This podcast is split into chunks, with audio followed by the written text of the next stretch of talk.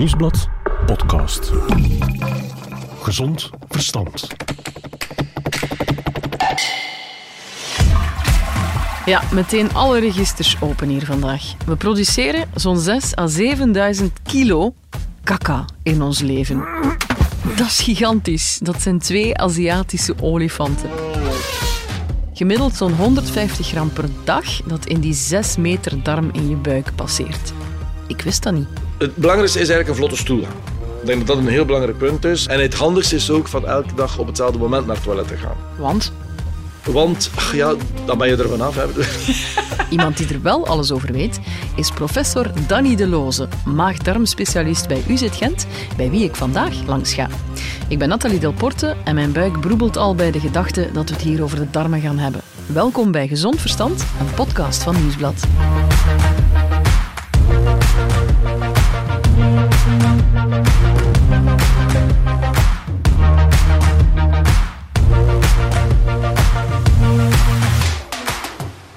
Goedemorgen. Goedemorgen. Kom binnen. Kom binnen. Hallo. Zet u, hè, zet u. Dank u.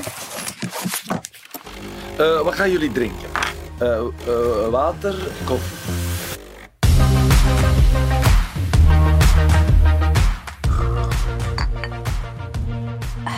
Dag professor. Nathalie, goeiedag. Er is ongelooflijk veel te doen om de darmen. Het lijkt het eh, hipste orgaan van het moment. En volgens uw nieuwste boek, Wat onze darmen ons vertellen, zelfs het meest sexy orgaan. U wordt helemaal lyrisch van de darmen? Ik kan er inderdaad wel lyrisch van worden, van darmen. Het is eigenlijk complex, maar tezelfde tijd is het relatief simpel. Hè? Ja. We zouden kunnen zeggen dat het poepsimpel is allemaal. Hè? Dat is dan eh, nog altijd Oh, toepassing hier. ja. Maar goh, ja, het is eigenlijk... Iedereen wordt ermee geconfronteerd. Van s'morgens, van als je opstaat, weet je dat je darmen hebt. Ja. Want heel veel mensen gaan s ochtends natuurlijk Naar het naar toilet. het toilet, bijvoorbeeld. De grote boodschap. Ja. Maar we beginnen natuurlijk met het einde, maar eigenlijk begint het natuurlijk bij zodra je iets in je mond steekt. Dus van zodra dat je eet en dat je dat lekker vindt en dat je daar eigenlijk ja, een goed gevoel van krijgt, daar begint het allemaal al. Hè. Ja, je stopt iets in je mond, hè. ik zeg maar iets, biefstuk friet, een boterham, een slaatje. En dan gaat dat dus in dat, in die, in dat kanaal, in die buis, laten we zeggen, en dat verdwijnt geleidelijk aan. Ja. En dat komt dan geleidelijk aan in je bloed. En dan voel je dat. Je voelt je beter. Of je wordt dronken, als je alcohol gedronken hebt bijvoorbeeld. Ja goed, en dan uiteindelijk wordt dat omgezet tot, hè, tot wat we dan de stoelgang uiteindelijk noemen. Ja, ik vind dat eigenlijk iets wonderbaarlijk dat dat zomaar kan gebeuren. Ja, in die hoeveel? Ja, vijf, zes meter ongeveer Aha. in totaal. Hè. Veel Ja. meer dan dat is het niet. Hè. Ja. Zes meter darmen in ons lijf, maar u noemt het net, van mond tot kont. Wat gebeurt er dan concreet met die biefstuk en met dat blaadje sla? Eh, wel, we beginnen natuurlijk met er goed op te kouwen. Dat is het eerste dat je moet doen. Dus eh, goed kouwen op. Hè. Dus laten we inderdaad het voorbeeld nemen van de biefstuk friet. In de maag gebeurt eigenlijk geen vertering. Dat is al een eerste groot misverstand. Hè, wanneer iets op je maag blijft liggen, maag is de bovenbuik, hè, dat bovenste deeltje daar. Als daar iets blijft liggen, denken, zeggen de mensen, ah, mijn vertering gaat niet. Dat is eigenlijk een foutief woord. We begrijpen wat ze bedoelen. Maar vertering is het afbreken van je voedsel. En dat gebeurt niet in de maag. In de maag verkleint het allemaal een beetje. Dus daarom is het nuttig van altijd goed te kouwen. Maar dan komt het in de maag, dan wordt het dus vermengeld. En ik vergelijk eigenlijk de maag met een blender. Dus een blender, je kent dat. Stel je voor dat je de blender die in je keuken staat, dat je daar gewoon die biefstuk friet, sla, tomaat, een beetje mayonaise, een, een glasje wijn, dat je dat er allemaal in kapt. En dan zet je die blender zo 30 seconden op. Hè? Kan je je voorstellen hoe dat die breider moet uitzien? Wel, dat gebeurt in je maag. Lekker.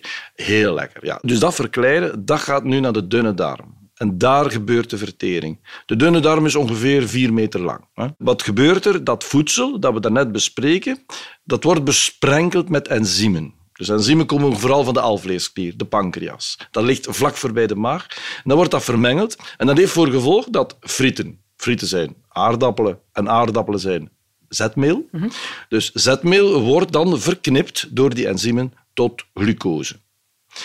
Vlees, dat zijn eiwitten. Eiwitten zullen verknipt worden door een ander enzym tot aminozuren. En de vetten die erin zitten, in de mayonaise, rond die frieten, in dat vlees ook natuurlijk, die worden verknipt tot vetzuren. En waarom zeg ik dat? Omdat het die kleine moleculetjes nu zijn, dus glucose, aminozuren, vetzuren, die worden door de dunne darmwand opgeslorpt. En dus na vier meter zal wat niet kan verteerd worden overblijven. Dus ja, wat hebben wij er net gegeten dat niet verteerd wordt? De sla, de tomaten, Ja. de vezels, laat ons algemeen zeggen vezels. Mensen kunnen geen vezels verteren. Dus wij hebben geen enzymen om vezels te verteren. Dat is geen enkel probleem, want die vezels die komen dus onveranderd terecht. Ze zijn wel een beetje van kleur veranderd ondertussen Dus de natuurlijk. sla komt er niet als hetzelfde bladje Nee, sla nee, nee, nee. Het, het gaat niet zo'n eh, frisgroen eh, blaadje sla meer zijn. Da- Dan komt het pas terecht in de dikke darm. En in de dikke darm, daar zit de grote massa van de darmflora, het darmmicrobioom, de microbiota, de bacteriën. Die zitten overal hoor. Maar in de dikke darm, daar ja, stikt niet op een paar miljoen. We zeggen dat er triljoenen zitten. Het exacte aantal weten we niet. En die bacteriën die kunnen voor een stuk kunnen zij nu wel overweg met die vezels. Maar zij doen dat via een ander mechanisme. En dat mechanisme noemen we fermentatie, in het Nederlands vergisting. En bij vergisting heb je altijd een nevenproduct. En dat is gas. Dus met andere woorden, we zitten nu eigenlijk in de dikke darm. Dus daar gaan een aantal van die vezels gaan vergist worden en daar ontstaan gassen bij. Daar ontstaan ook vetzuren bij. Die vetzuren zijn belangrijk als energiebron voor uw darmcellen, voor de bacteriën zelf. Want uiteindelijk, vezels, dat is voedsel voor uw bacteriën. Hè. Dus daarom dat vezels zo belangrijk zijn, want wij kunnen niet zonder onze darmflora. Maar jij moet je darmflora te eten geven en dat doet je door ze vezels te geven. Vezels, dat is het voedsel voor de darmflora. Dus die gassen die daarbij ontstaan, die gaan dan uiteindelijk eh, via winden, hè, grotendeels gaan die het lichaam verlaten. Dus het is vrij simpel. Hoe meer vezels dat je eet, hoe meer winden dat je gaat moeten eh, laten. Dus windjes laten is eigenlijk heel gezond. Windjeslat is zeer gezond. Dat is het gezondste wat er is. Ja. Het enige dat je niet mag doen, is ze ophouden natuurlijk. Hè. Want als je je winden ophoudt, dan blijft die gas in je darm zitten, vooral de dikke darm. Dan rekt die darm uit en dan voel je je niet gemakkelijk. Hè. Sommige zaken worden door die bacteriën niet afgebroken. En sla is daar een goed voorbeeld van. Dus een blad sla, ja, zoals het erin gaat, komt het er ongeveer uit. Behalve dus dat het van kleur verandert. Een champignon ook? En champignons ook. Als jij een champignon inslikt zonder veel op te kauwen, dus laten we zeggen in zijn gele inslikt, dan gaat die er ongeveer in zijn gele weer uitkomen. Er zitten er wel vitamines in, ook in dat blad sla zitten vitamines. Dat komt allemaal vrij. Hè. Maar de vezelstructuur zelf, gewoon de structuur van hè, de champignon, de schil van de tomaat, Ik ging net vragen, dus dat kan je ook effectief zien. Ah, maar dat zie je allemaal. Hè. Dat zie je allemaal. Hè. Wij hebben regelmatig patiënten die bij ons komen. Groot probleem, want ze verteren hun voedsel niet meer. Ah ja, nee, het komt er onveranderd uit. En dan hebben ze veel tomaten en champignons gegeten. Voilà. En dan vraag ik altijd, ja, maar wat ziet u exact in het toilet? En dan is dat altijd hetzelfde. Het zijn dus ja, sla natuurlijk, spinazie eventueel, het blad, eh, of het bedoel, de schil van de tomaat, en dan vooral de zaden en de pitten. Hè. Als je zaden eet met de bedoeling van een vezel, moet dat gespleten zijn op voorhand. Hè. Je moet dat zaad op voorhand kapot gemaakt hebben. Hè. Maar die, anders kan die structuur onmogelijk... eh, Dan denk je dat je gezond bezig bent. En dan denk je dat je gezond bezig bent. Dat is goed om de leidingen eens te schuren. Dus, eh, Hoe komen die bacteriën in ons lijf? In principe worden we min of meer steriel geboren. Maar van zodra dat je je mond open doet, neemt je bacteriën binnen. Dus dat betekent bijvoorbeeld voor een, eh, een kind dat geboren wordt op de klassieke vaginale manier, dat die dus de bacteriën van de vagina zal inslikken. En dat is een zijn- goede zaak. dat is een goede zaak, want dat zijn melkzuurbacteriën ook. Maar het punt is dat iemand of een kind dat geboren wordt via een keizersnede, zal die melkzuurbacteriën dus niet hebben. En die zal eerder eh, huidbacteriën hebben. Hè. Bovendien, eh, bij een vaginale geboorte heb je ook meer darmbacteriën al op dat moment. Omdat ja, de vagina is natuurlijk melkzuur, maar dat is daar vlakbij eh, de anus natuurlijk. dat verspringt. Dus ja, bedoel, die bacteriën zitten overal op die bilnaad, darmbacteriën enzovoort. Nu, wat is het punt? Men heeft dat allemaal bij onderzoek eh, vastgesteld. Hè? Dat in het eerste kakje van een baby vindt men kinderen via keizersnede huidbacteriën van de moeder, kinderen via vaginale weg darm- en vaginale bacteriën van de moeder. Dus dat is aangetoond. Nu, wat men ook echter gezien heeft, dat is dat kinderen die via een keizersnede geboren worden, dat die later meer kans hebben op ziekten zoals zwaarlijvigheid, obesitas, reuma, eh, astma, ziekte van Crohn. Wel opletten met dit soort statements, zegt de professor. In de geneeskunde noemen ze conclusies als deze associatiestudies. Je ziet een verband tussen geboorte en latere ziektes, maar dat is niet per se oorzaak-gevolg. Het is wel het onderzoeken waard. En daar zal wel iets van aan zijn als je bijvoorbeeld hoort welke techniek er vroeger in Denemarken werd gebruikt bij baby's die via keizersnede geboren werden. Vroeger, vroeger. Hè. Een Deense collega vertelde mij dat. Ja, Hè. ja. Dus, maar het was dus de gewoonte, dus dat als een kind geboren werd via keizersnede, hè, werd de geboorte gedaan, en dan op het einde stak de gynaecoloog, die had een handschoen aan, zijn vinger in de aars van de moeder. Ja. En dan stak hij zijn vinger in het mondje van die een pasgeboren baby. Ja. Mhm. Dus dat deed men daar in Denemarken. Ja, ik heb dat echt gehoord op een congres en dat was daar de courante praktijk. Maar nu is doet toch men wel dat niet heel meer. speciaal.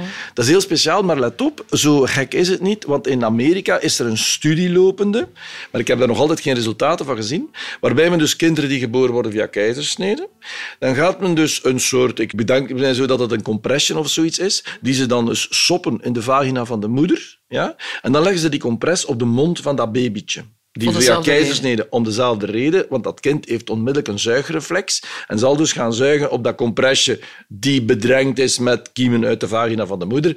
En in Amerika is dat een studie die men ja, toch zeker ooit in gang gezet heeft, maar ik heb nog nooit resultaten gezien. Hè. Ja, het klinkt allemaal heel speciaal, hè? maar tegelijk is het prachtig wat er in de medische wereld allemaal al kan.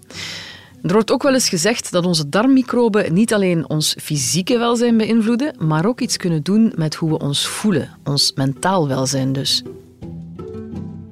Dat zijn nieuwe inzichten dus van, eh, van de laatste jaren. Dat begint in de eerste plaats altijd bij dierexperimenten. Dus daar moet men nu heel goed opletten met wat we nu gaan, eh, gaan zeggen. Dat is vooral op basis van dierexperimenteel onderzoek. Men kan dus muizen depressief maken. Ja, dat is nu raar. Een depressieve muis ja, komt dat meestal nu niet tegen. Maar goed, en wat men dus gezien heeft, dat is dat men dus stoelgang van een depressieve persoon gaat men gaan transplanteren naar de darm van muizen. En dan ziet men dat die muizen depressief worden.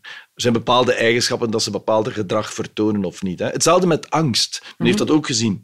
Dus eh, stoelgang van angstige mensen gaan transplanteren in de darm van muizen. En die muizen worden dan meer angstig. Dat, dat weet ik, dat zijn zo van die proeven waarbij men muizen op een plaats zet boven water. En dat ze dan meer schrik hebben van dat water en zo. Dus, enfin, dus ja, je- Dus, dus kort door de bocht, eh, stoelgang van happy people ja.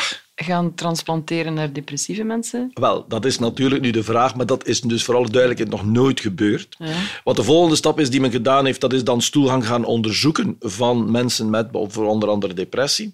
En dan ziet men, als men die dan vergelijkt, dat is nu met al die nieuwe DNA- en RNA-technieken, hè, dus die, die- dat, is, want dat is eigenlijk wat hier een beetje de revolutie veroorzaakt heeft in heel die kennis, dan ziet men inderdaad dat daar verschillen zijn. Soms zitten er dus bepaalde kiemen die meer voorkomen dan bij anderen, maar veel verder dan dat gaat het de dag van vandaag eigenlijk allemaal nog niet hoor.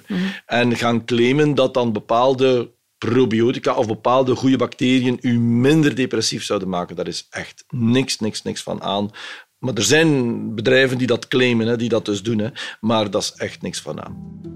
Het gelukshormoon serotonine, dat is wel bewezen, wordt vooral in de hersenen aangemaakt en wordt geassocieerd met je goed gevoel.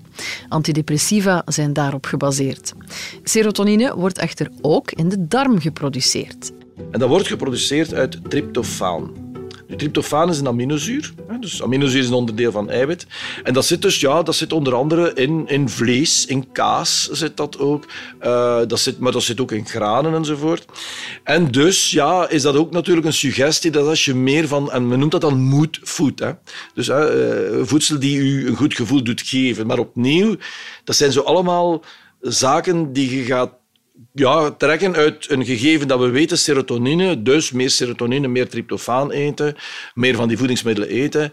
Maar goed, voor ons moet het echt wel in een studie zitten. Hè? Dus als wij zeggen, ja, het is zo, ja, dan moeten we, hè, ik zou zeggen, een paar honderd mensen heel veel tryptofaan laten eten, een paar honderd dan niet. En dan de goede testen doen om te zien of dat die dan minder of meer depressief. En die studies bestaan niet. Hè? Dus eh Maar- nog te zeggen dat tryptofaan ook in chocolade zit. Chocolate. Dat is iets dat we lang zeggen natuurlijk. Ja. Hè? Dat je je van chocolade beter kunt Ja. voelen. Hè? We spreken vaak van buikgevoel, maar de vraag van vandaag is: welke signalen uit die buik mogen we echt niet negeren? Wanneer zit het goed? Hoe ziet bijvoorbeeld een goed kaksje eruit? Goh, er zijn natuurlijk heel veel zaken hier, maar ehm, een plotse verandering, dat is altijd een beetje verdacht. Ik bedoel, Ja, je hebt nooit klachten, al jaren geen klachten, geen buikpijn, regelmatige stoelgang. Wat is regelmatig? Hoe vaak Goh, regelmatig is zeer rekbaar. Eh, laten we zeggen dat de meeste mensen de doorsnee gaat één keer per dag naar het toilet. Maar er is geen enkel probleem om twee of drie keer te gaan. En er is eigenlijk ook geen enkel probleem met maar drie keer in de week naar het toilet te gaan. Ja. Eens dat je minder gaat, ga je er waarschijnlijk wel last van krijgen. Maar als je nu dus al dagen regelmatig naar het toilet gaat en ineens begint dat te veranderen, ineens ga je zo niet meer naar het goed naar het toilet of, of sla je gemakkelijk eens een paar dagen over, dat kan een alarmsymptoom zijn. Natuurlijk, alles hangt ook grotendeels af van leeftijd. Hè. Ik bedoel, voor ons is er zo een cut-off op 45, 50 jaar. Onder de 45 zijn we veel minder snel ongerust dan boven de 45. Hè. Want ja, goed, de ziekte waar we natuurlijk schrik voor hebben, dat is darmkanker. Hè. Dat, dat is ongeveer de ziekte dat we best niet te lang uitstellen, dat we weten wat er, wat er scheelt. Hè. Dan heb je natuurlijk de stoelgang. Ja, Constipatie, als je daar een duidelijke verklaring voor hebt, bepaalde redenen, hoeft dat niet per se natuurlijk iets negatiefs te zijn, tenzij dat ze plots ontstaan is. Diarree, dat is een andere zaak, want diarree dat kan toch wel wijzen op darmontsteking. Is dat een plotse diarree, je hebt iets verkeerd gegeten, je bent zeg maar wat, naar een of ander tropisch land geweest. Ik bedoel, oké, dat kan je plaatsen. Dat is allemaal geen reden voor tot ongerustheid natuurlijk. Hè. Eh, maar natuurlijk, bloedverlies, dat is het grote alarmsymptoom. Het zien van bloed in de stoelgang, het zien van bloed op je toiletpapier. Opnieuw, in de overgrote meerderheid van de gevallen zal de oorzaak van dat bloed gewoon ter hoogte van de anus zitten, van aanbijen. Maar ja, om te zeggen het is van aanbijen, dan moeten we het zeker zijn. Onder de 45 gaan we daar meestal, als we horen dat de symptomen kloppen, zeggen oké, het is aanbijen.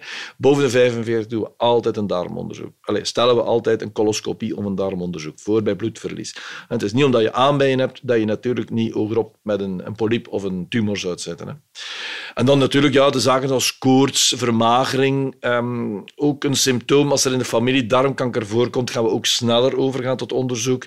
Of als er in de familie ziekte van Crohn voorkomt en eh, iemand bijt zich aan met buikpijn, diarree, vermagering, in het bloed ijzertekort en zo, dan gaan we ook natuurlijk sneller tot onderzoek overgaan. Hè. Ja, want dat zijn risicofactoren voor darmkanker Dat en zijn andere. en andere ziekten. Ja. En beter één onderzoek te veel dan één te weinig, denk ik dan. Oké, we kennen nu de signalen die we niet mogen negeren. Ook boeiend is te weten in hoeverre we daar invloed op hebben. Wat kunnen we zelf doen om het kakske lekker smooth te houden? Het belangrijkste is eigenlijk een vlotte stoelgang. Ik denk dat dat een heel belangrijk punt is. En het handigste is ook van elke dag op hetzelfde moment naar het toilet te gaan. Want Want ja, dan ben je er vanaf. Hè. maar dat is gewoon beantwoorden aan de normale werking van je darmen. Onze darmen worden gewoon wakker met ons s'morgens. Eh, dat heeft allemaal ingewikkelde namen, maar het komt erop neer van zodra dat je wakker wordt, wordt je darm ook wakker. Dat is de reden waarom de meeste mensen nu eenmaal s'morgens naar het toilet gaan. Ook na de maaltijd, in dit geval dan na het ontbijt, kopje koffie, dat is het ideale moment. En dat is eigenlijk een reflex dat je niet mag ontkennen. Want als je dat gaat zeggen, ja, maar ja, nu past het mij niet hoor, om naar het wc te gaan. Ik moet hier mijn kinderen eh, kleden, ik moet mijzelf klaarmaken, ik moet doen. straks nog de notto in, ik moet naar de file, ik moet naar het werk. Ik zal op het werk wel gaan. Van uitstel komt hier afstel. Als je mij niet gelooft, moet je dat maar allemaal een keer proberen. Als je moet kakken, nu zeggen, ah, ik ga nu een keer niet kakken, zie. Enfin, goed, en dan ga je zien dat dat natuurlijk, je kunt dat uitstellen. Hè. Ik bedoel, je kunt dat perfect uitstellen, ophouden. En dan ga je zien, je gaat heel de dag niet op je gemak lopen. En dan ga je die dag niet meer gaan. Want wat er gaat gebeurt er gebeuren... dan, ja? Jawel, wat er gebeurt, dat is dat die stoelgang die normaal gezien iets heeft van een consistentie zo van, oh ja, van, van chocomousse of, of, of een tiramisu, of een panna cotta eventueel zo. Maar dan blijft die zitten en dan gaat je dikke darm het vocht verder onttrekken. Hè? Want dat is de, een van de grote functies van de dikke darm, dat is het onttrekken van vocht. Zodanig dat je daar dus die... Hè, halfvaste materie krijgt. Maar laat dat daar langer in zitten, wordt dat veel vaster natuurlijk, wordt harder. En hoe harder dat je stoelgang wordt, hoe steviger, hoe moeilijker dat je hem uitkrijgt. En dan ga je de volgende dag dan toch aan het toilet gaan zitten en dan voelt je, oei, dat gaat hier niet zo vlotjes als, als anders. En dan moet je meer persen, dan moet je meer drukken. Ja, en dan breekt je dat af. En, en, en, goed, en dan voelt je niet goed. Dus daarom Hè, Stefan de Hand die heeft het eigenlijk gezegd, maar dat is in Vlaanderen wereldberoemd. Hè. Als je moet kakken, moet je kakken, op zijn West-Vlaams. Ja, dat is een waarheid als een koe. Hè. Dus I'm a kamikaze! Maar we doen het wel. En we zien het onze kinderen nog vaker doen. Dan krijg je kinderconstipatie. Ze zitten veel op hun schermpje, ze voelen dat ze moeten gaan, maar ze gaan niet. En op school gaan ze ook niet graag. Zeker niet voor de grote boodschap. De schooltoiletten stinken, er lopen te veel andere kinderen rond. Ze doen er van alles behalve naar de pot gaan. Uh, vapen en zo. Hè. Heel veel kinderen houden daardoor de hele dag op, komen thuis na school en spurten naar het toilet. En daardoor zie je trouwens ook veel plasproblemen bij kinderen maar dat is voer voor een andere aflevering. Terug naar de professor. Wat zijn nog meer risicofactoren voor buikziektes? Voor een, uh, voor een vlotte transit, dus voldoende vezelzeten hebben we natuurlijk al duidelijk gezegd. Uh, kijk, zwaarlijvigheid bijvoorbeeld. Zwaarlijvigheid gaat met 101 ziekten gepaard. Ja, een darmkanker is daar natuurlijk bij. Reflux, hè, zure oprispingen, dat, dat zijn allemaal risicofactoren. Natuurlijk pancreaskanker. Ja, dat zijn allemaal zaken die nu eenmaal bij obesitas meer voorkomen. Dus sowieso, hè. Oké. Dan alcohol. Uh, alcohol is ook een risicofactor voor slokdarmkanker, onder andere. Mag je nog iets drinken? Want bij sommige ja, dokters eh, in ja, deze podcast ja. komen we overal een beetje dezelfde dingen tegen. Voor het hart mag je niks drinken. Hoe zit het voor de darmen? Volgens mij mag je voor de darmen eigenlijk gerust drinken, uh, maar het gaat altijd over met maten. Hè. Ik bedoel, gastroenterologen, wij zijn levensgenieters. Hè. Ah, wij weten, onze specialiteit begint in de mond en alles begint met lekker eten. Ja. ja. Maar het is altijd een kwestie van met maten, niet te overdrijven in die zaken. Hè. Ik bedoel, ik heb ook doodgraag biefstuk friet, hè. Mm. maar ik weet ook dat rood vlees dat dat een... Ja, maar goed, dan gaat het over veel rood vlees. Hè. Men raadt aan, was het één keer in de week, maximum 100 gram of zoiets, rood vlees. Maar ja, goed, dat is één keer in de week een biefstukje. Ja, dat vind ik ook dat dat gaat. Hè. Ja. En alcohol, ja, af en toe eens een glas wijn. Het moet allemaal plezant blijven. Hè. Is dat? Ja. Bovendien, wij kunnen eigenlijk preventief onderzoek doen om te weten van, ja, ja is daar iets aan het gebeuren of niet. Dus, uh, handig, ja. Maar het gaat altijd over overdrijven. Hè. Eén ding dat voor alles slecht is, denk ik wel, is roken. Ah, roken, ja. Roken is slecht voor alles. Hè. Bedoel, iemand die nu nog rookt, dat is de grootste stommerik die er rondloopt eigenlijk. Hè. Ik bedoel, allee, dat vind ik, ik vind er nu eigenlijk totaal geen uh, dinges voor.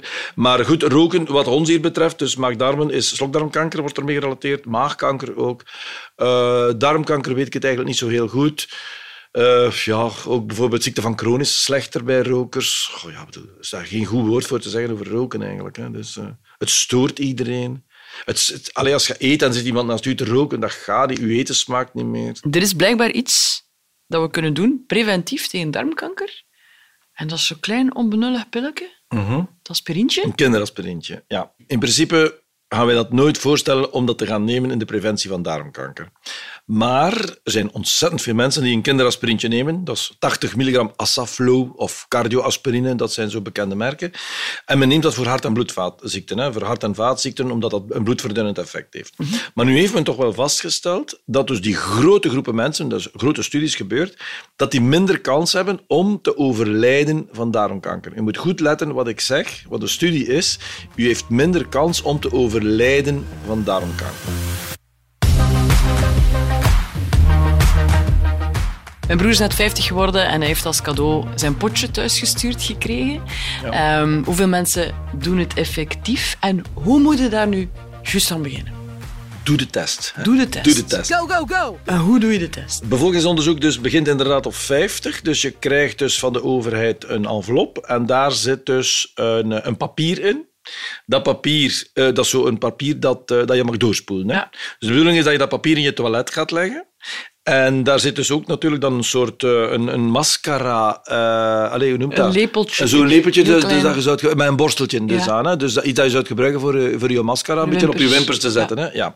Dus met andere woorden, wat moet je dus doen? Ja, je kakt natuurlijk, hè? dus dat is op dat papier in het toilet. Dan roer je daar een keer in met dat mascara-stokje. Uh, mm -hmm. En dan stop je dat dus in een, in een flesje die er ook bij zit en dan stuur je dat op naar een labo.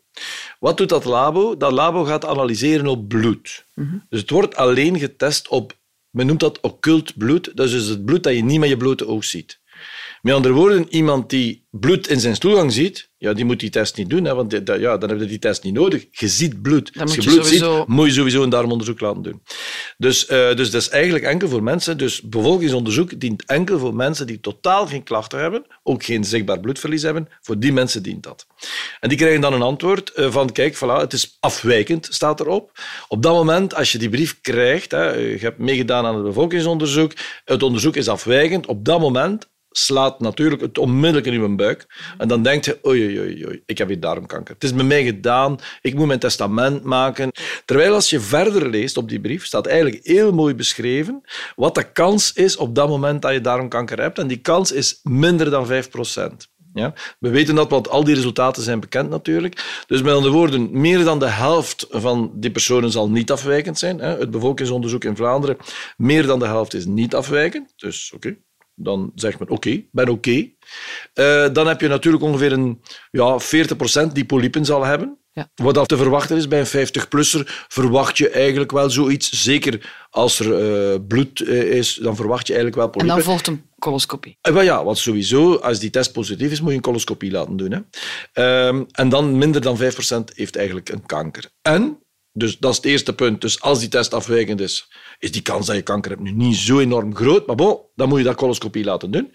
Maar nu, en dat is het heel, heel mooie nieuws van dat bevolkingsonderzoek hier in Vlaanderen, dat is dat we nu zien dat die kankers die ontdekt worden via het bevolkingsonderzoek, die zitten allemaal in een veel beter stadium. Dat is bijna 80 procent zit in wat wij een gunstig stadium noemen. En gunstig betekent, die mensen worden geopereerd mhm. en die zijn genezen.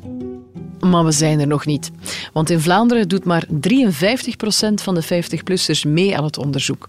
In Nederland doen ze met 71% opvallend beter. In Wallonië is het helemaal dramatisch. Daar komen ze maar aan 16% Dat is heel speciaal. Maar hoe dat komt? Ze moeten er blijkbaar de test zelf gaan halen bij de apotheek of dokter. En bij ons stuurt de overheid hem naar je thuis op. Nu, als er door deze podcast één luisteraar meer in zijn kakje gaat roeren, dan zijn wij alvast blij. Alles passeert door het maag-darmstelsel, dus we kunnen er maar beter goed zorg voor dragen. En ook daarbij gelden weer de nodige feiten en fabels. Sommige spoelen we graag samen met de professor door, andere nemen we heel graag in ons op.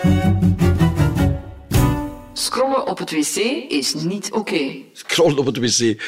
Uh, ik vind daar eigenlijk geen enkel probleem in als je geen problemen al hebt op voorhand. Dat is eigenlijk de essentie hier van dit verhaal. Met andere woorden, iemand die al aanbijen heeft en die blijft daar dan een half uur zitten in die positie, dan gaan die aanbijen er meer uitkomen, dan gaan die meer kans hebben om te bloeden enzovoort. Iemand die uh, al een probleem heeft met moeilijk uitdrijven van stoelgang en die blijft daar een half uur zitten en tijdens het scrollen uh, uh, zit er nog een keer te persen en van alle manoeuvres uithalen, dat is niet goed. Maar iemand die voor de rest geen enkel probleem heeft, dus die gaat naar het toilet, die een, doet wat hij moet doen. En meestal gewoon je grote boodschap doen, dat duurt één minuut. Hè. Mhm. Meer dan dat is dat eigenlijk niet. En dan blijf je daar gewoon nog een half uur zitten, omdat je per se moet al je Facebook-vrienden eens checken, en, en of het de standaard, of het nieuwsblad, pardon, in dit geval, gaan lezen enzovoort. Ik vind daar eigenlijk allemaal weinig probleem aan. Maar goed, bedoel, ja, ik zit eigenlijk wel liever in een fauteuil dan op het toilet, hè, voor alle duidelijkheid. De darmflora van een sporter is beter dan die van een niet-sporter. Wel, dat is ooit in studies. Er zijn twee studies waar dat men dus uh, onder andere een rugbyploeg heeft bestudeerd. En men heeft die mannen de darmflora vergeleken met ja, die van u en mij, bij wijze van spreken, normale controlepersonen. En men heeft gezien dat die sporters ja, ze hebben een meer diverse flora. Want pas op, voor alle duidelijkheid, niemand weet wat een normale darmflora is. Hè. Zelfs u niet? Zelfs ik niet. En zelfs Jeroen Raas van Leuven, enfin, dat is een beetje de darmflora-specialist van Vlaanderen, zelfs die weet het niet. Hè. Er is geen enkele definitie, dit is normaal. Wat dat afwijkend is, dat weten we min of meer wel. Hè. Maar dus, wat heeft men nu gezien bij die rugbyspelers? Die hadden zo meer diversiteit en ja, meer variatie.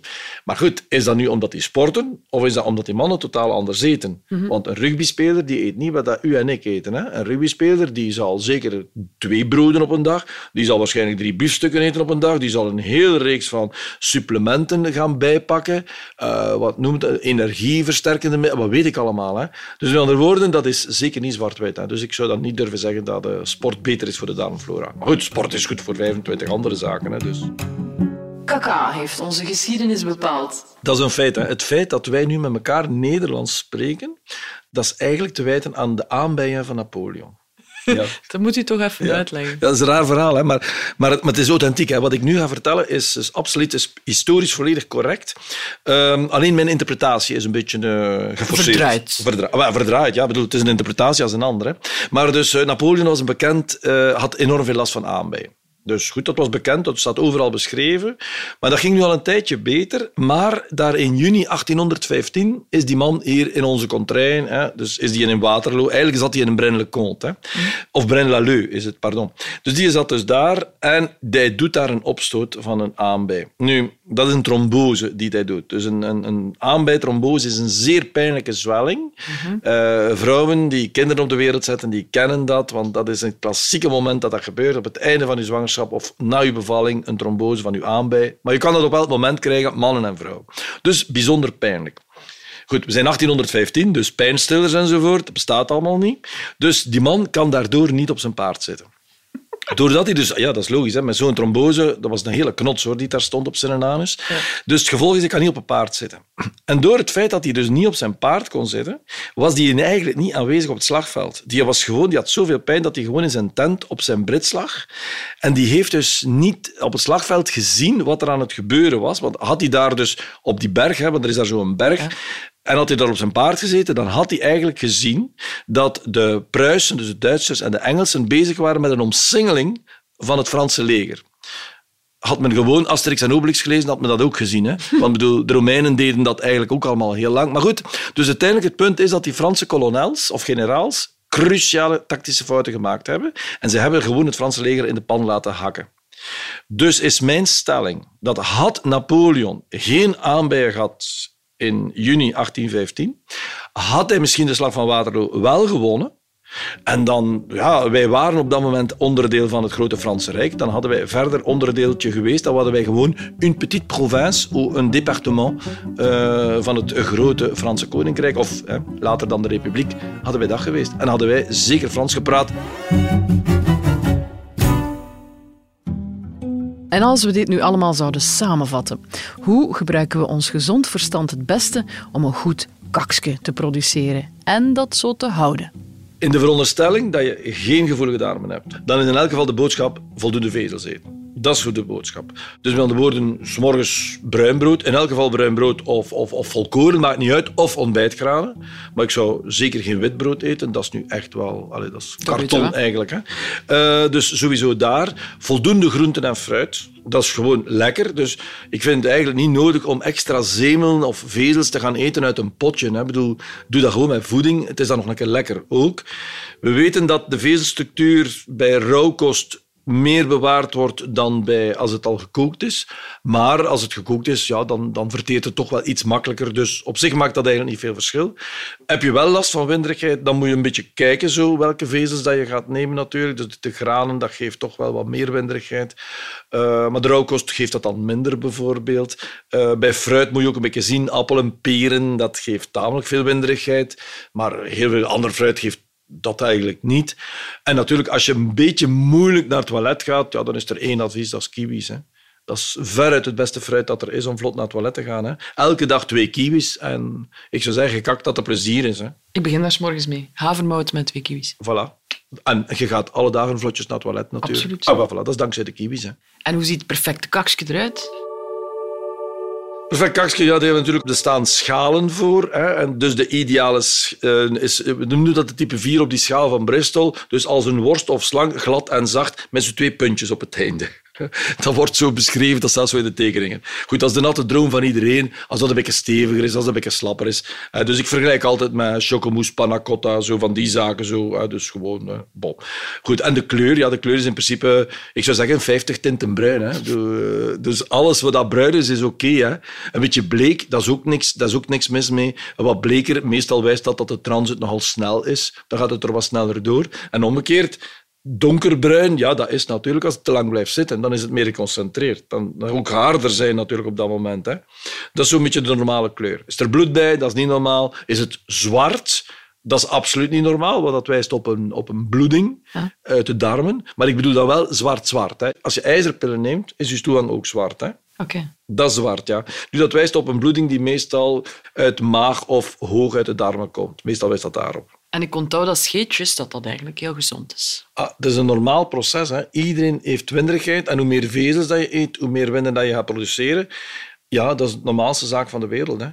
En natuurlijk moet je begrijpen waarom je soms meer winderig bent dan dan anders. En dan heeft het quasi altijd te maken natuurlijk met, met wat dat je gegeten hebt. Hè. Dus met te veel vezels. Hè. En heel het verhaal helemaal kort samengevat in de woorden van de ronde.